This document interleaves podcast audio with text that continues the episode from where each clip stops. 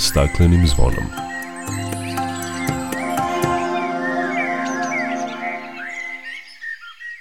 Dobar dan i dobrodošli na Zeleni talas prvog programa radija Radio Televizije Vojvodine. Ja sam Dragana Ratković.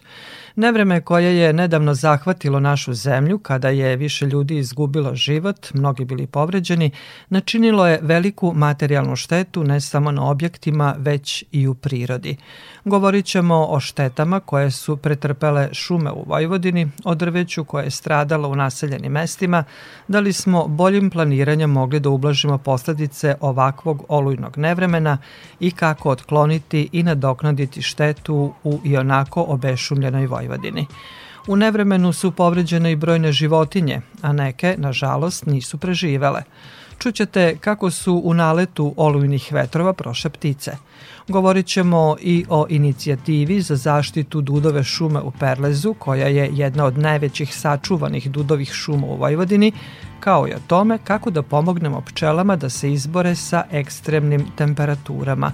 O ovim i drugim temama nakon pozdravne pesme. Dok priroda kraj nas plače za vladarskim svojim tronom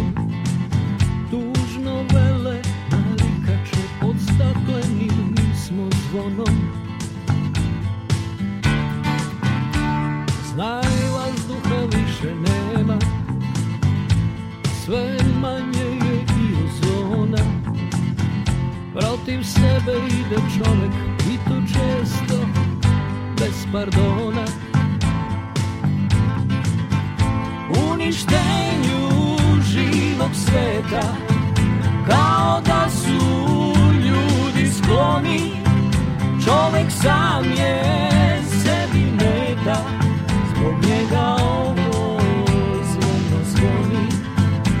Uništenju živog sveta Kao da su ljudi skloni. Čovek sam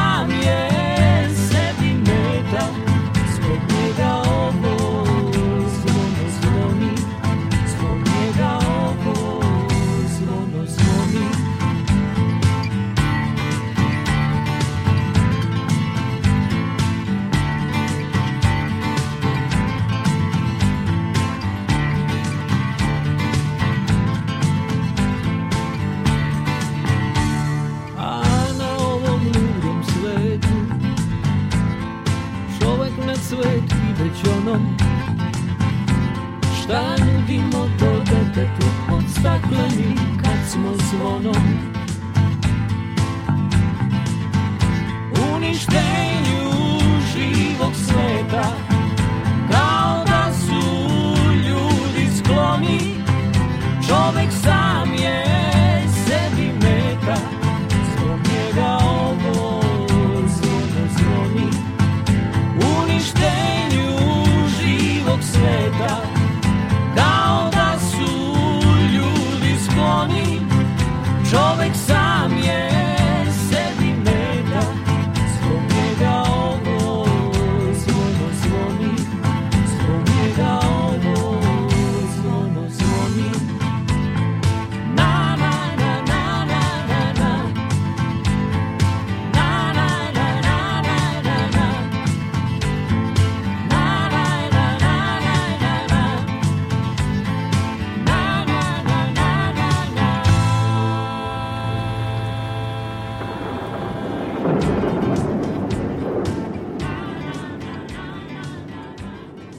Oluje koje su u četiri dana zahvatile našu zemlju nanele su veliku materijalnu štetu ne samo objektima nego i prirodi. Najviše su stradala stabla i parkovi u gradovima kao i šume kojih i onako u Vojvodini nema mnogo. Gostujući u programu Radio Novog Sada, direktor javnog preduzeća Vojvodina šume Roland Koka i kaže da su šume kojima oni gazduju pretrpele velike gubitke. Šteta se još procenjuje, ali prema poslednjim podacima stradalo je oko 2000 hektara šuma.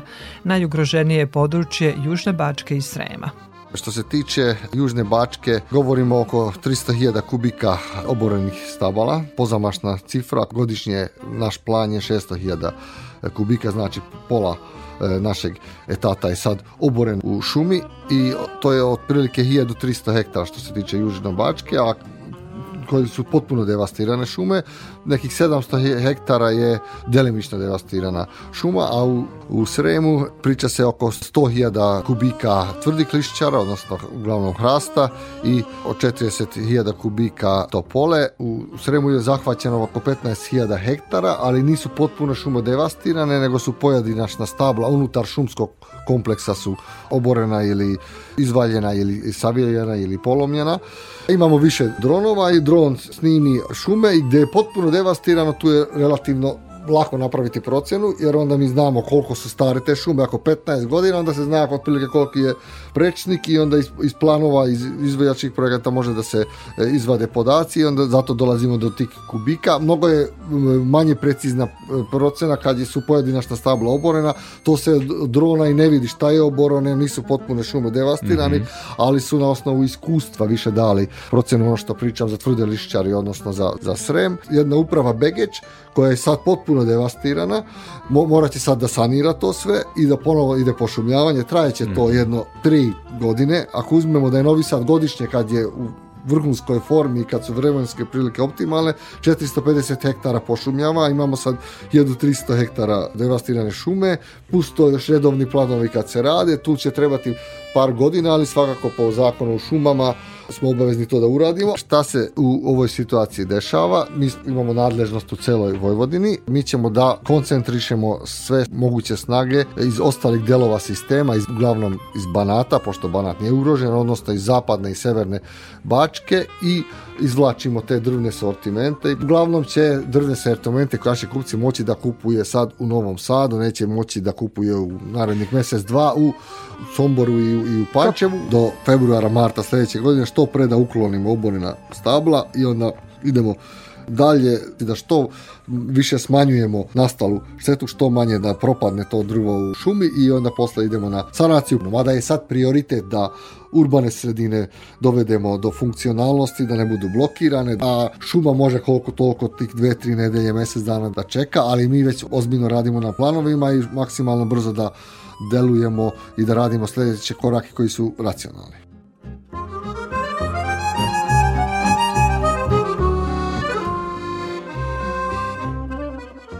Čuli smo koje su procene Vojvodina šuma o nastaloj šteti na područjima kojima oni upravljaju. Osim u šumama, oborena i polomljena stabla i grane videli smo na ulicama, parkovima, drvoredima, u gradovima i selima, ali i izvan naseljenih mesta. Da li smo boljim planiranjem mogli da ublažimo posledice ovakvog olujnog nevremena, kako to da je jednako stradalo i drveće u gradu i u šumama? Odgovore na ova i druga pitanja daće nam gost emisije, stručnjak za zaštitu prirode iz Pokrinjskog zavoda za zaštitu prirode, Alen Kiš, kojem želim dobrodošlicu na talase Radio Novog Sada.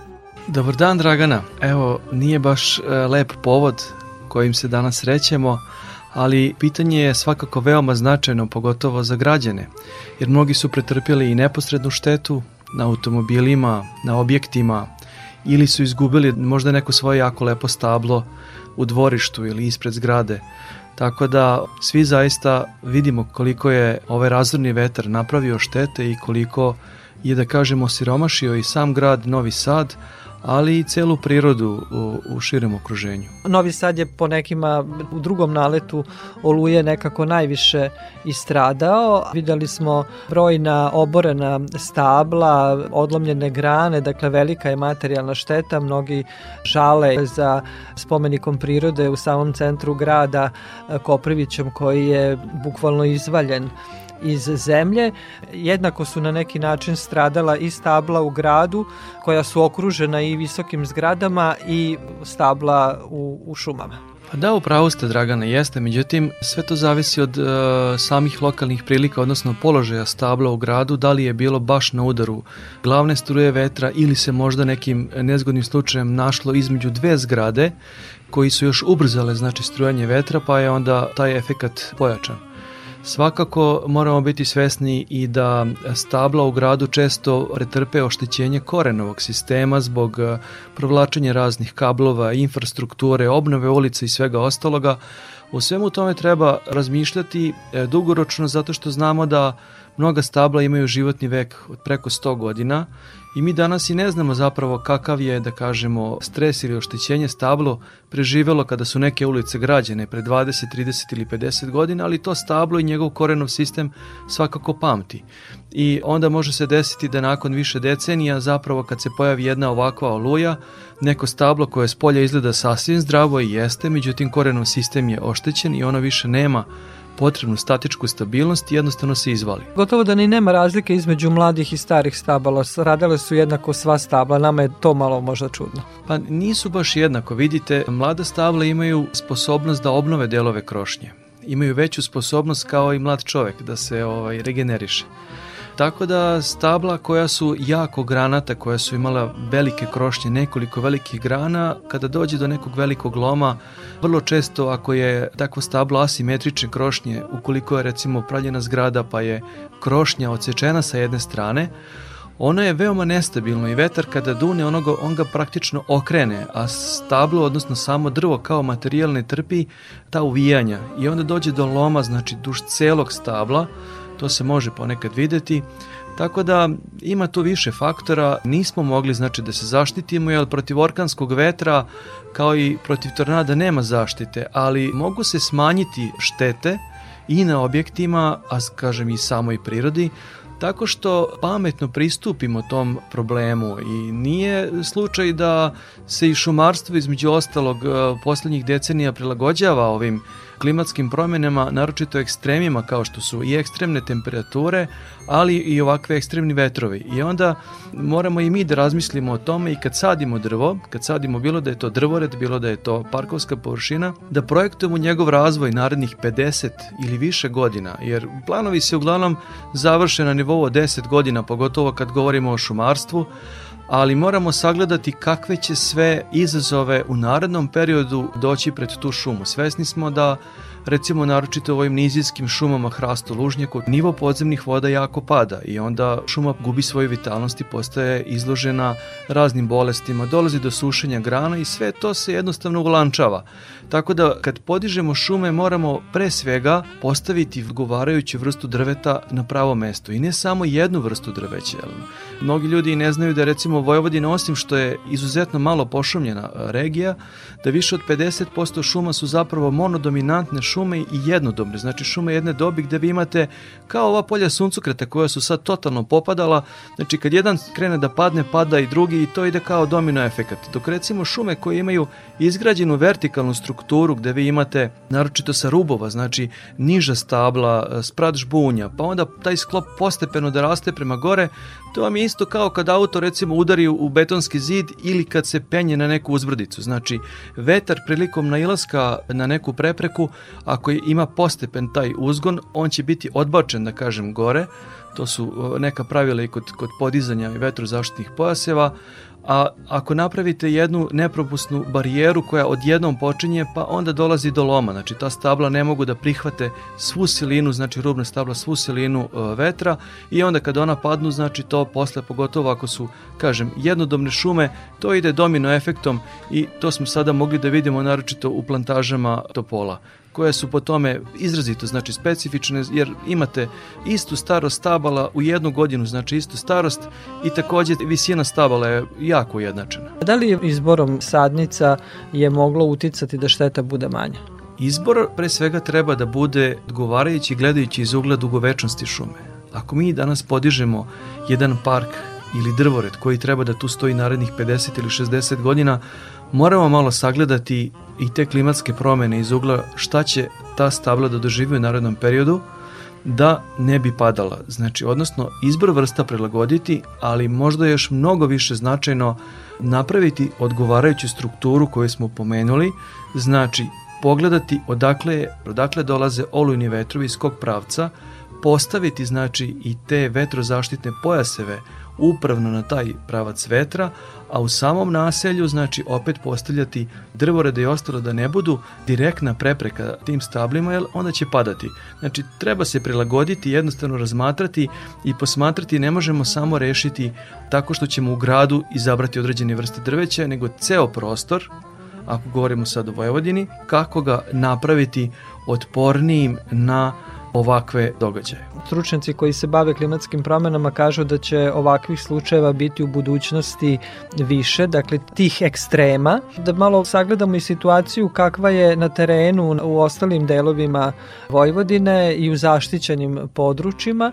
Šteta je velika nastala, kažu, Begeč, Bačka Palanka, Kovilj, Titel i Hrastove šume u Sremu su posebno stradale. Da li tu možemo da sagledamo neke razmere ove štete i zašto je došlo baš do stradanja u tim područjima. Kao što sam rekao, ne postoji apsolutna zaštita i isprečavanje šteta e, i na samim šumama, međutim, te šume su upravo onake kakvim smo ih opisali, znači jednodobne starije šume sa jednim dominantnim spratom, Mi smo te šume naravno nasledili, kad govorimo o hrastovim šumama, oni su uglavnom stariji od 100 godina.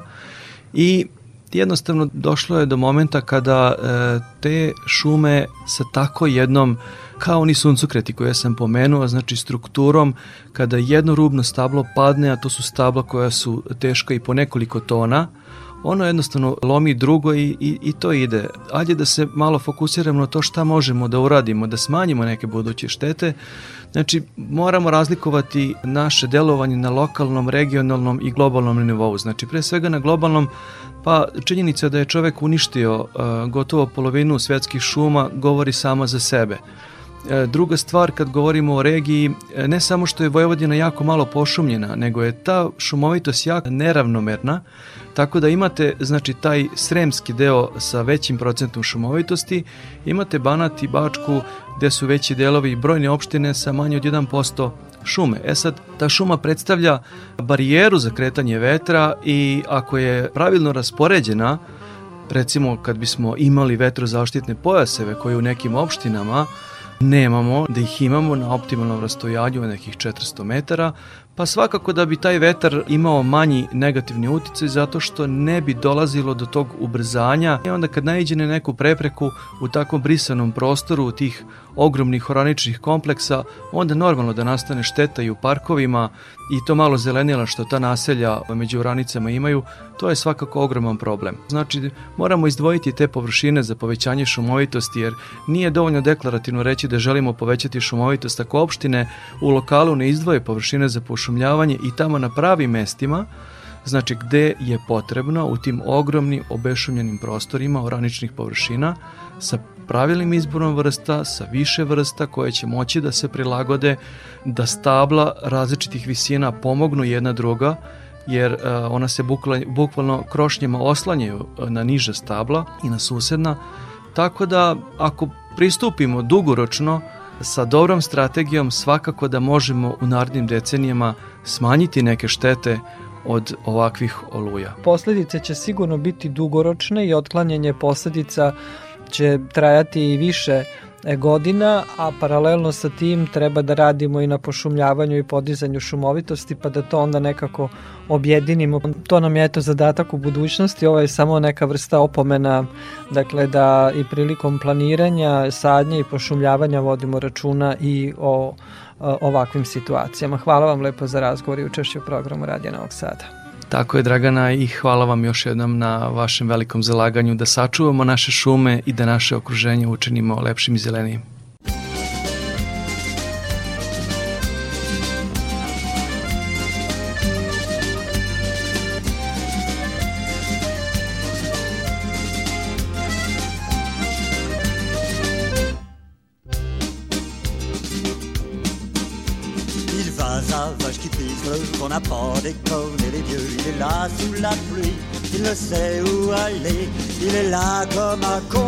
plutôt paumé.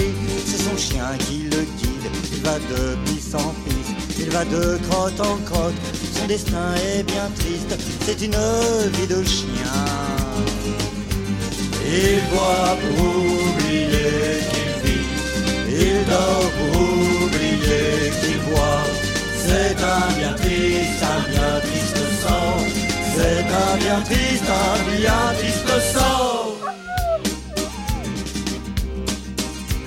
Son patron est l'ordure d'une usine de chaussures, qu'on pas l'odeur des pieds, mais l'odeur du métier qui devait l'augmenter de moins d'un mois que rien. Ça ne fait pas grand chose, mais ça fait toujours bien. C'est son chien qui le guide, il va de pisse en pisse, il va de crotte en crotte, son destin est bien triste. C'est une vie de chien Il boit pour oublier qu'il vit, il dort pour qu'il boit. C'est un bien triste, un bien triste sort. C'est un bien triste, un bien triste sort. Il était syndiqué, on l'a licencié. C'est pas toujours facile de pouvoir s'exprimer. Il n'avait plus d'argent, sa femme l'a quitté. Il est tombé de haut dans la bouche du métro. C'est chien qui le guide, il va de pisse en pisse, il va de crotte en crotte, son destin est bien triste.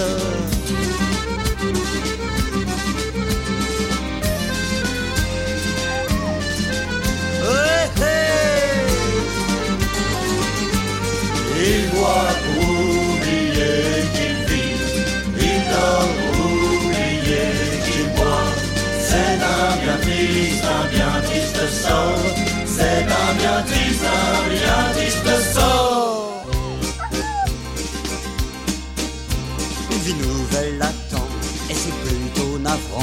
Sa maison de repos, c'est les stations de métro. Il ne l'a pas choisi, mais ainsi va sa vie.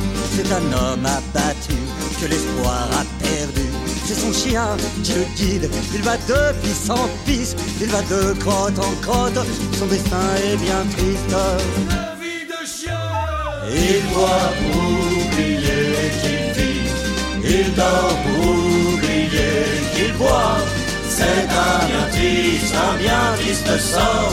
C'est un bien triste, un bien triste sort.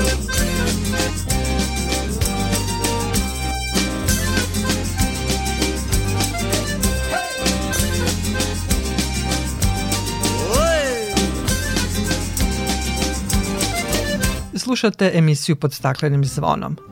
U olujnom nevremenu stradalo je drveće kako u naseljenim mestima, tako i u šumama, ali stradale su i povređene i životinje. One koje su nama najvidljivije su ptice. Tim povodom sa nama je član društva za zaštitu i proučavanje ptica Srbije Uroš Stojiljković. Uroše, dobrodošli na talase Radio Novog Sada. Hvala Dragana na pozivu. Uroše, ptice osete na dolazak nevremena i oluja i mnoge su uznemireno i ovoga puta letele jer u svojim gnezdima uvek imaju sklonište, a ovoga puta imale su i mladunce, ali pod naletima ovako jakog olujnog vetra mnoge su i stradale. Kakvi su podaci sa terena? Pa jeste, to ste lepo rekli da ptice predosete veliki broj ptica, imamo i ptice burnice takozvane, na osnovu kojih su nekada ljudi predviđali, da kažem, ta olujno nevreme koje nadolazi, ali ipak živimo u nekakvom vremenu potpuno izmenjenih klimatskih uslova, tako da ni one zapravo nisu mogle na adekvatan način da odreaguju na ovako snažne oluje. Nakon i prve i nakon te druge oluje telefon zvoni od celog dana, zaista veliki broj građana zove i prijavljuje slučajeve stradalih ili povređenih ptica preko 20 poziva imali smo samo, na primjer, za rode. Čini se da su to nekako bile najugroženije ptice rode, sove i ptice iz porodice vrana. Kako su nam prošle rode? Da li su stradale? Jes, imali smo, na primjer, slučaj u Donjem Međurovu, to je selo u Niškoj opštini, takozvano Niško selo roda, gde smo imali 15 gnezda belih roda, to je zaista jedna od najveća nastamba ovih ptica na jugu, Tamo smo imali i stradale mladunce, imali smo i jednu rodu sa otvorenim prelomom koju je zbrinuo veterinar. Imali smo i rode kojima smo napravili nekakvo improvizovano veštačko gnezdo pa smo ih vratili. Novosadska kolonija na Klisi je nakon one druge jače oluje takođe imala gubitke, odnosno nekoliko roda je stradalo i nekoliko gnezda je srušeno. To se dešavalo i prošle godine da kažem, u mnogo mirnijim uslovima, ali desilo se naravno i ove. Što se tiče, na primjer, Orlova krstaša, s obzirom da se oni svi nalaze u Banatu, čini se da je tamo oluja bila nešto blaža već dok je stigla do Banata. Na svu sreću da je tako, jer zbog njih zaista smo strepali prethodnih godina. Jeste, prethodnih godina se se upravo dešavalo baš u mesecu julu te neke jake letnje oluje, kada se sruši njihovo gnezdo, imali smo i stradanja mladunaca, ali ove godine izgleda da su imali sreće na osnovu telemetrijskih podataka koje dobijamo sa obeleženog mladog prstaša i oce, on se i dalje kreće, da kažem, u nekoj neposrednoj blizini gnezda svojih roditelja, tako da i ono naravno što nam kažu naši saradnici, čuvari, lovočuvari sa terena, jeste da su zapravo sva gnezda za sada u redu. To nam je drago da, da čujemo. E, ptice u svojim gnezdima imaju mladunce, kažu da su mnogi mladunci ispadali iz gnezda. Pa, mislim, naravno kad se desi ovako snažno oluja, videli smo da to, da to ruši i drveće, tako da su zaista ovaj male šanse da, da ptići nekako opstanu. Ali ono što je važno nekako reći, isto kao i u slučaju nekog redovnog ispadanja mladunaca iz gnezda, tako da kažem ovim pojačanim ekstremnim uslovima, jeste da građani ukoliko primete zapravo sve treba da prijave ovaj nadležnim službama, naravno mogu pozvati i nas, a zapravo bi trebalo i da pozovu Zavod za zaštitu prirode Srbije u Beogradu ili Pokrajinski zavod kada je u pitanju Vojvodina, obzirom da se najčešće radi o nekoj vrsti koja podleže nekakvoj zaštiti ili su strogo zaštićene ili zaštićene vrste, zapravo svaka pomoć i intervencija mora da se odradi uz e, savjeti stručnjaka. Tako da obavezno ukoliko primetite nekakve štete, da kažem, u prirodi ili stradanje ptica, obavezno nazvati e, zavod, e, prijaviti. Znam da su zaista i kolege iz zavoda bile prebukirane jer je to bilo zaista veliki broj slučajeva koje treba sanirati, ali ako ništa drugo dobit ćete makar njihove savete, upute kako zapravo odreagovati, pomoći ptici dok oni eventualno ne budu, da kažem, u mogućnosti da izađu na teren i da im pomognu.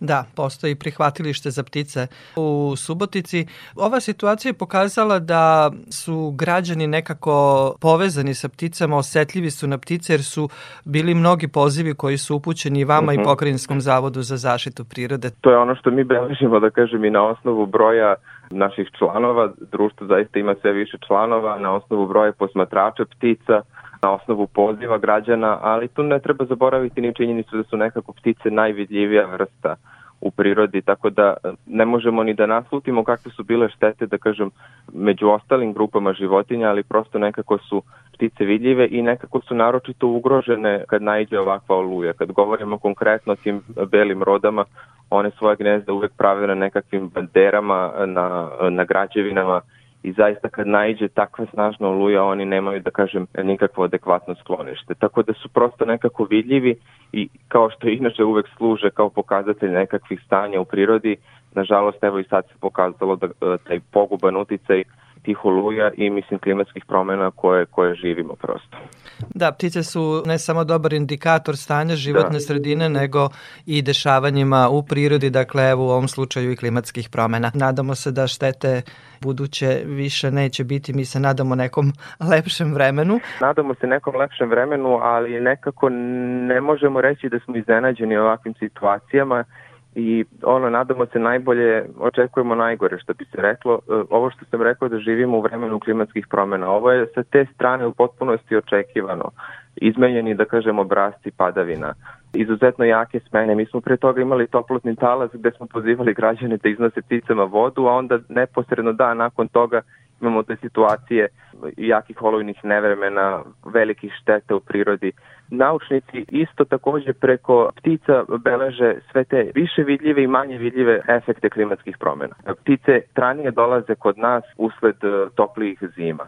Mi sad već krajem februara imamo ptice koje dolaze. Onda se dešava da one ovde započnu svoje gnežđenja, onda se desi kao što je ove godine bilo sneg u aprilu, pa onda nemaju dovoljno hrane. Takođe nekakva dugoročna merenja, na primjer, pokazuju Evo konkretan primer običnog zviždaka, da on e, sada polaže svoje jaja 12 dana ranije nego što je to bilo pre 50 godina. Takođe se beleže, na primjer, promene u veličini ptica, što je povezano sa više ili manje hrane. Dakle, određene ptice povećavaju ili smanjuju svoju telesnu težinu. Tako da to su sve, da kažem, nekakvi parametri klimatskih promjena o kojima pričamo i, i koje živimo. Uroše, hvala vam lepo za razgovor i ove podatke koje ste nam izneli i predstavili situaciju šta se desilo sa pticama tokom ovog olojnog nevremena. Hvala vama na pozivu, Dragana.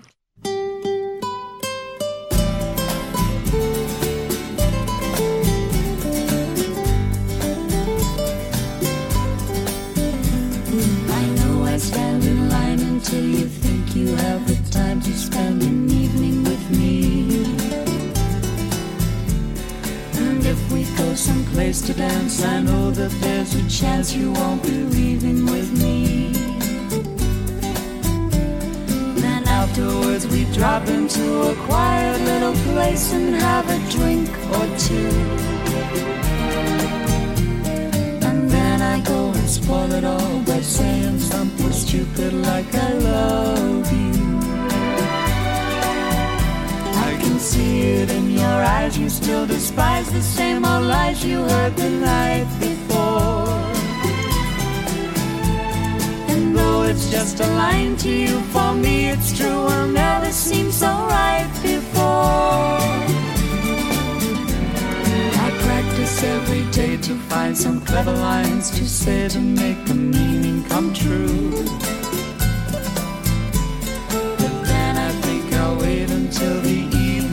Gets late and I'm alone with you. The time is right, your perfume fills my head, the stars get red and all the nights so blue. And then I go and spoil it all by saying something stupid like I love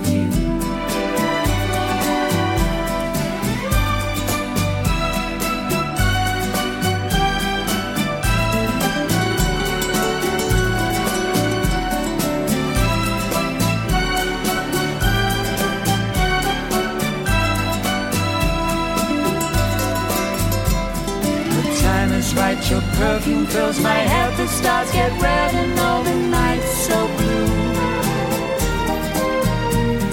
And then I go and spoil it all by saying something stupid like I love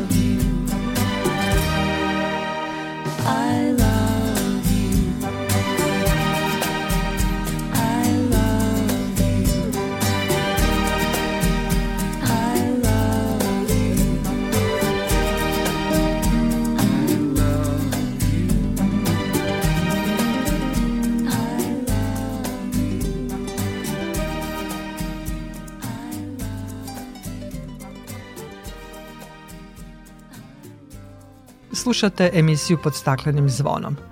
Čuli ste, u olujnom nevremenu stradale su šume u Južnobačkom i Sremskom okrugu, u gradovima i selima. Posledice olujnog nevremena ćemo otklanjati u narednim godinama, da bismo ih u buduće mogli ublažiti i smanjiti, sigurno bi pomoglo malo više ulaganja u podizanje šuma, bolja međusektorska saradnja između poljoprivrede, šumarstva i zaštite prirode i da prilikom planiranja korišćenje prostora bude održivije. Ulaganja u ozelenjavanje, sadnju šuma, drvoreda i parkova postaće odbrambeni zid u borbi protiv klimatskih promena. Osim toga što je važno podizanje zelenila, važno je i da postojeće očuvamo. Aktivisti udruženja Čuvari Perleza pokrenuli su inicijativu zaštite Dudove šume u Perlezu kod Zrenjanina i zatražili da se pokrene postupak proglašenja te šume za spomenik prirode. O ovoj inicijativi razgovarat ću sa zamenikom predsednika udruženja Miroslavom Kalanjem koji je na telefonskoj liniji. Miroslave, dobrodošli na Talase Radio Novog Sada. Hvala, bolje vas našao. U Vojvodini je u prošlom veku gotovo bilo nezamislivo da se drvo duda ne nalazi u dvorištu na sokacima uz puteve. Kažu nekada smo imali preko 2,5 miliona stabala duda i bili peta sila u svetu u proizvodnji svile. Gajio se uglavnom beli dud jer lišćem belog duda se hrani svilena buba. Pojavom, nažalost, veštačke svile 60. godina mnogi dudovi su uništeni.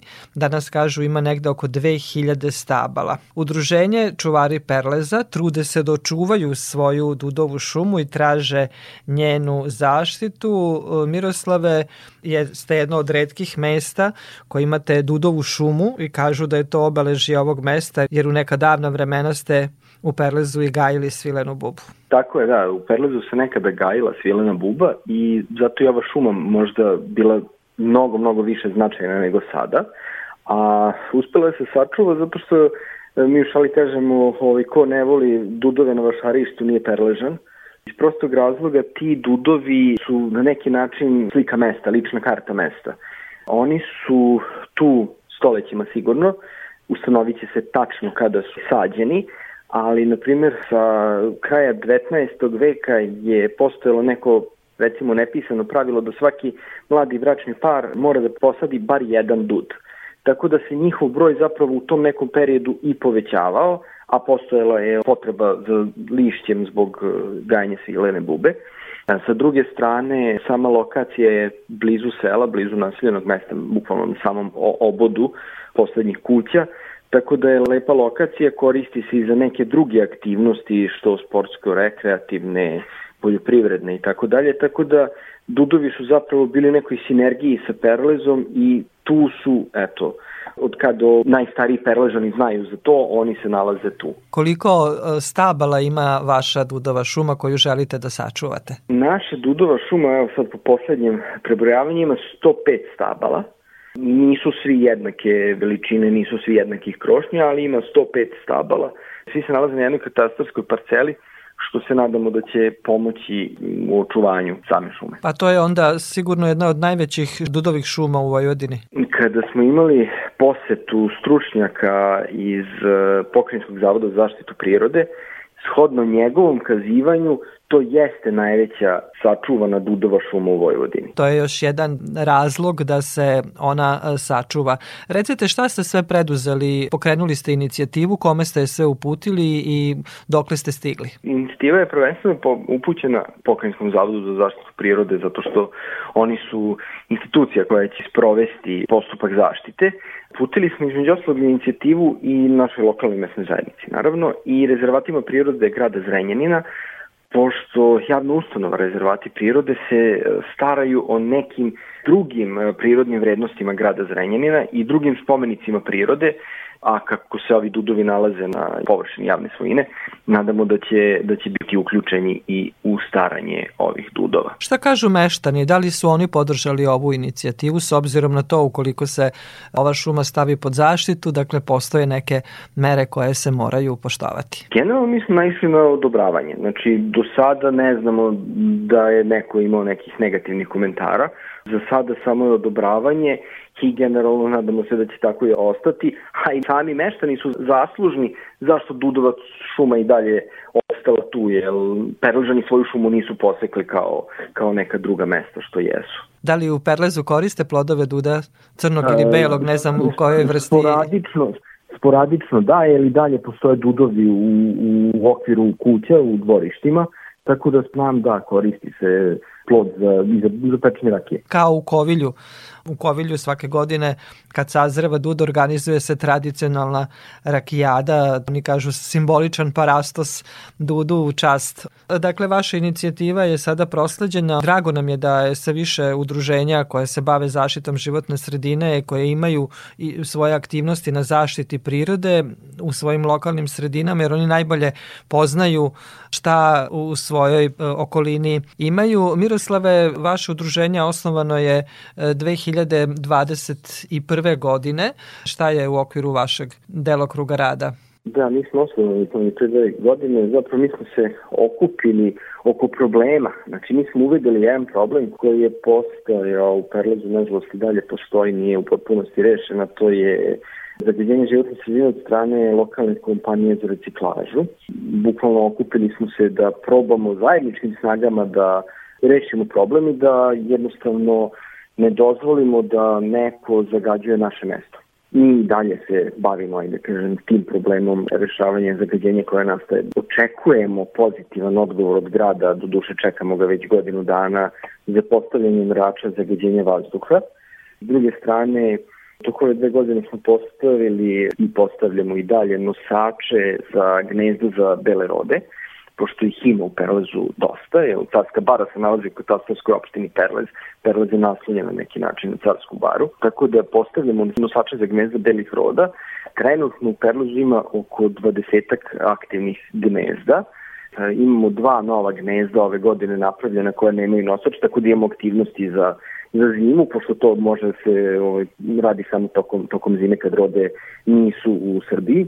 Miroslave, nedavno smo imali ovo olujno nevreme i kažu da su rode i njihova gnezda bile dosta pogođene. Da li je bilo neke štete kod vas u mestu s obzirom da imate toliki broj roda? Jeste, jest. Prema našim saznanjima tri mlade rode su stradale. Tako da da, bilo je štete, gnezda i dalje stoje na mestu, ponačno ta koje su u nosačima, jer oni na neki način su i tu da bi zaštitili gnezdo i omogućili rodi lakše da izgradi samo gnezdo. S obzirom da ste naslanjeni na carsku baru, pretpostavljam da i brinete i o kvalitetu vode? Da, mi smo nekoliko puta čak ukazivali na, na određene zagađenja kanala Begej, koji protiče kroz Perles, na, to jest pored Perleza. Sproveli smo nekoliko akcija čišćenja priobolja Begeja.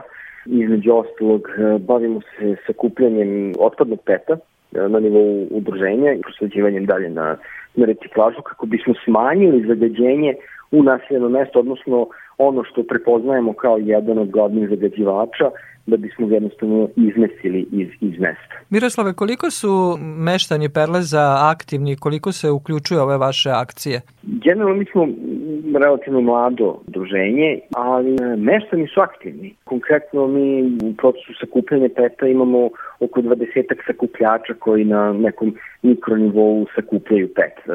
Za selo od 3, 3,5 hiljade stanovnika, to je relativno lep broj. Drago mi je da imate ovakve aktivnosti i da se građani uključuju u njih i nadam se da ćete uspeti sa ovom vašom inicijativom da e, sačuvate jedno od obeležija Perleza, najveće dudove šume u Vojvodini i da, i da to ostane za buduće generacije. Miroslave, hvala vam za razgovor i učešću u programu Radija Novog Sada. Hvala vama.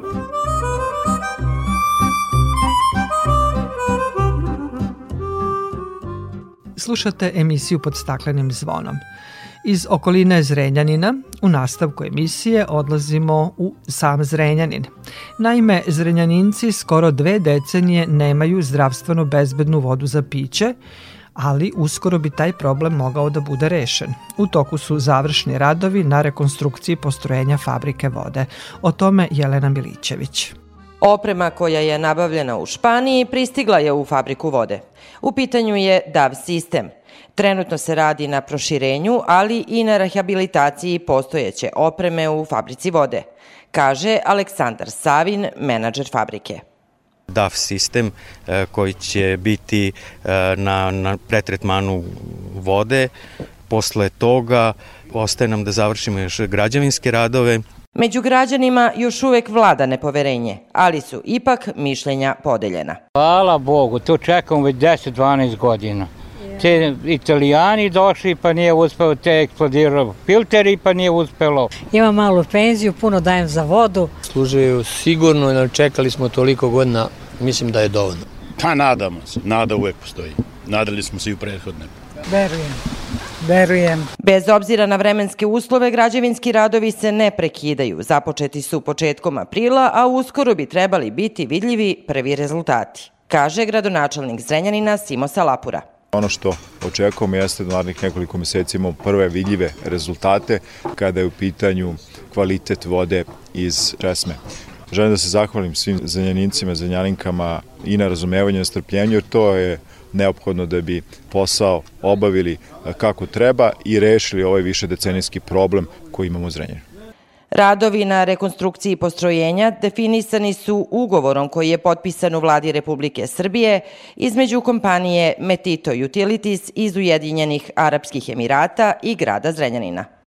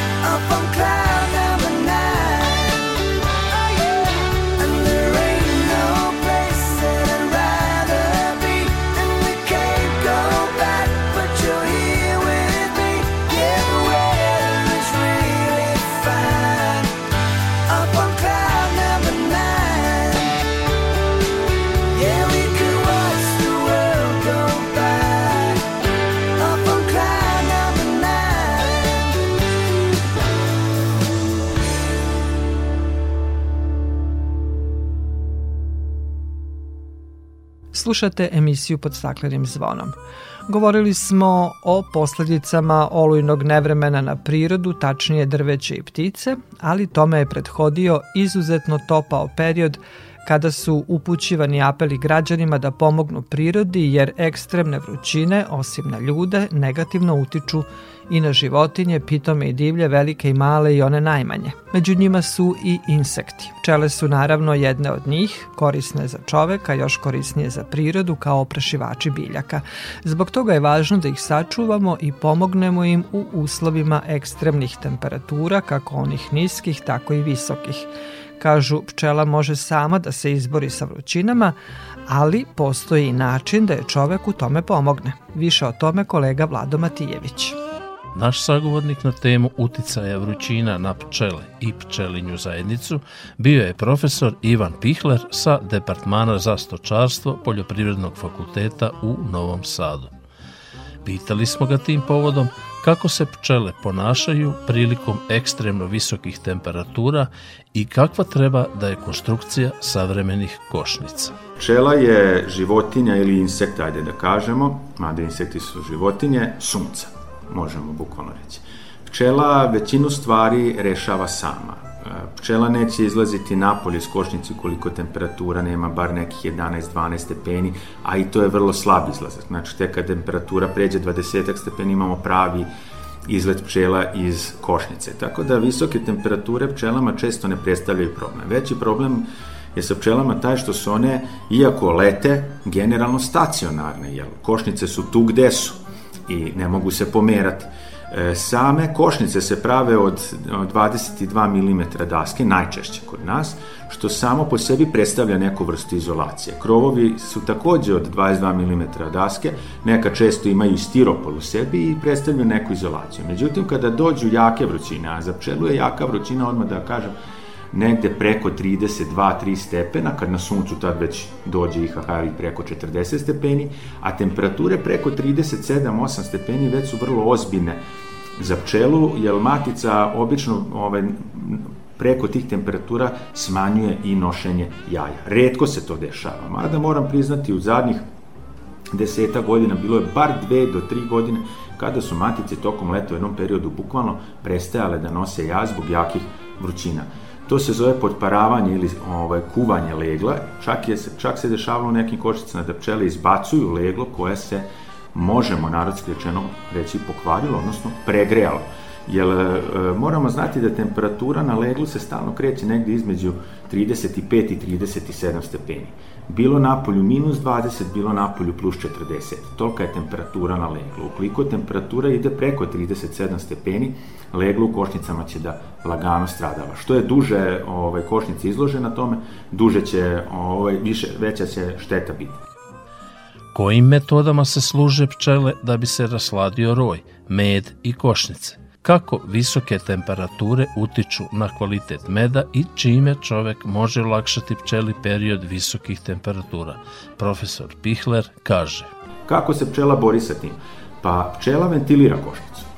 Ona je poput jednog malog ventilatora, što je veća vrućina, to se više pčela na košnicama, na letu košnica ovaj, pojavljuje, stoje i ventiliraju košnicu tako što mašu krilima i možemo reći narodski prave promaje unutar košnice.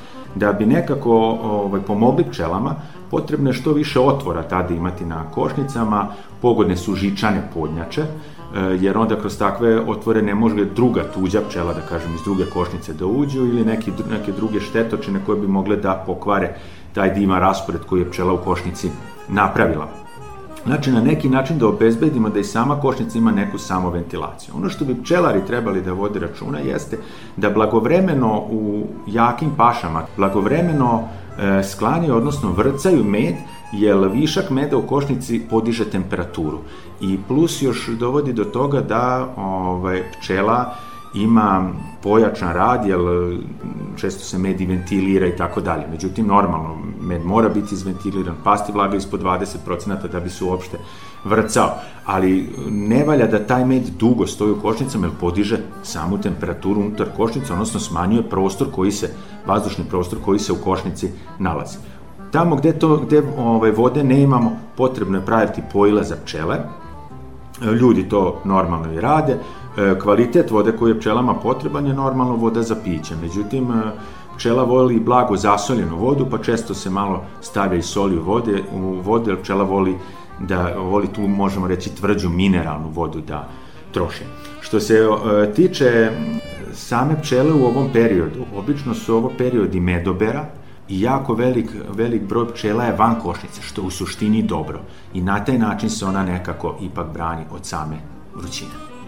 Pčelica Maja, iako mala, svakako je sposobna da se i sama izbori sa visokim temperaturama, ali i da sa drugim pčelama u košnici zajedničkim naporima spuste temperaturu, očuvaju leglo i produkte svoga rada, med, propolis, matični mleć i vosak. U ovom periodu godine, usled visokih temperatura, a i povećane vlažnosti, intenziviran je broj komaraca, protiv kojih se borimo prskanjem. Potrebno je, što je više moguće, obratiti pažnju pri takvim akcijama i izbegavati područja medobera i pčelinje paše da ovim našim vrednicama ne bi naškodili. Toliko u ovom izdanju emisije pod staklenim zvonom koju možete slušati i odloženo na podcastu Radio Televizije Vojvodine na adresi rtv.rs. Emisiju realizovali Jovan Gajić, Maja Tomas i Dragana Ratković. Naredni susret zakazujemo za sedam dana u isto vreme na zelenom talasu prvog programa radija Radio Televizije Vojvodine.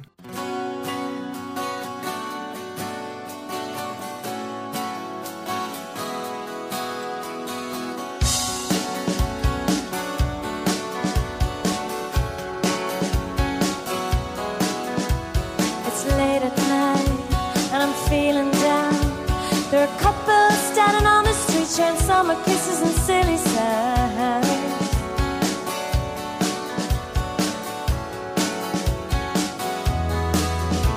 So I step inside, pour a glass of wine. With a